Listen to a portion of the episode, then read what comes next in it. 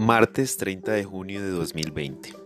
En la última sesión habíamos finalizado el tema de los modelos económicos en Europa en el siglo XVIII.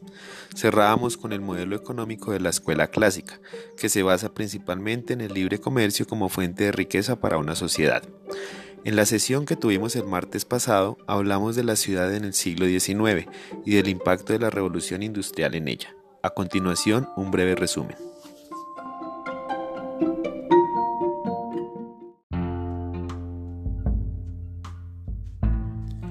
Inglaterra, siglo XIX.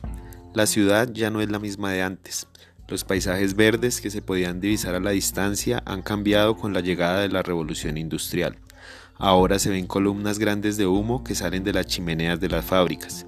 La ciudad se torna oscura, con un olor fétido que ronda los barrios aledaños a las fábricas y la contaminación como un elemento característico de la época y es que la ciudad como epicentro económico, político y social ha tenido un desarrollo histórico muy ligado a las actividades humanas.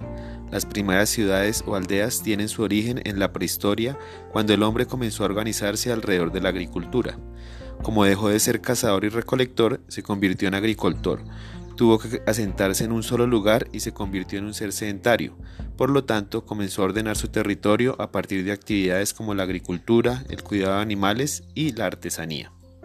Siglos más adelante, en la Edad Antigua, las ciudades ya se constituían como espacios en los que se ubicaban las principales instituciones sociales.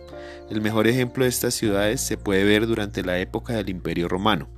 Eran ciudades cerradas, protegidas por grandes murallas y en su interior albergaban templos, sedes de gobierno y lugares para la diversión como coliseos, anfiteatros y auditorios. Más adelante en la Edad Media, las ciudades conservan las murallas que las rodean para protegerlas de invasiones. Como elemento particular están los templos para profesar la religión cristiana y un crecimiento un poco desorganizado de sus viviendas. A esto se le suma que eran ciudades con olores bastante desagradables, pues no contaban con sistemas de alcantarillado para deshacerse de las aguas residuales. Siglos más adelante y con la llegada de la revolución industrial, las ciudades cambian de panorama, pues el epicentro pasa a ser las grandes fábricas, que se construían alrededor de los ríos y muy cerca de ellas se construyen los barrios obreros. Estos barrios se caracterizan por ser lugares densamente poblados, viviendas pequeñas donde vivían incluso varias familias. Esto traía problemas de salud, de higiene y de violencia, pues las dificultades de orden económico traían consigo algunos delitos.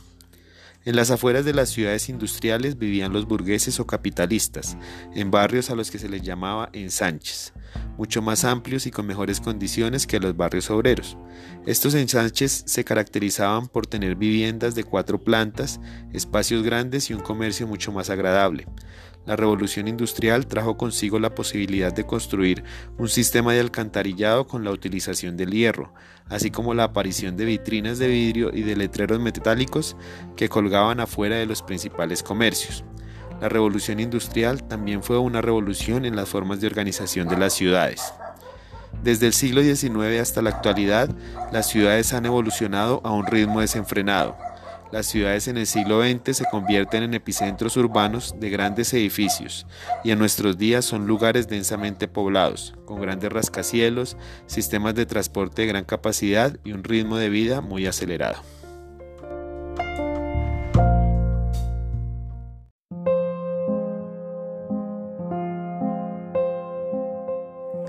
En la próxima sesión hablaremos de los sistemas políticos en el siglo XIX. Hasta pronto.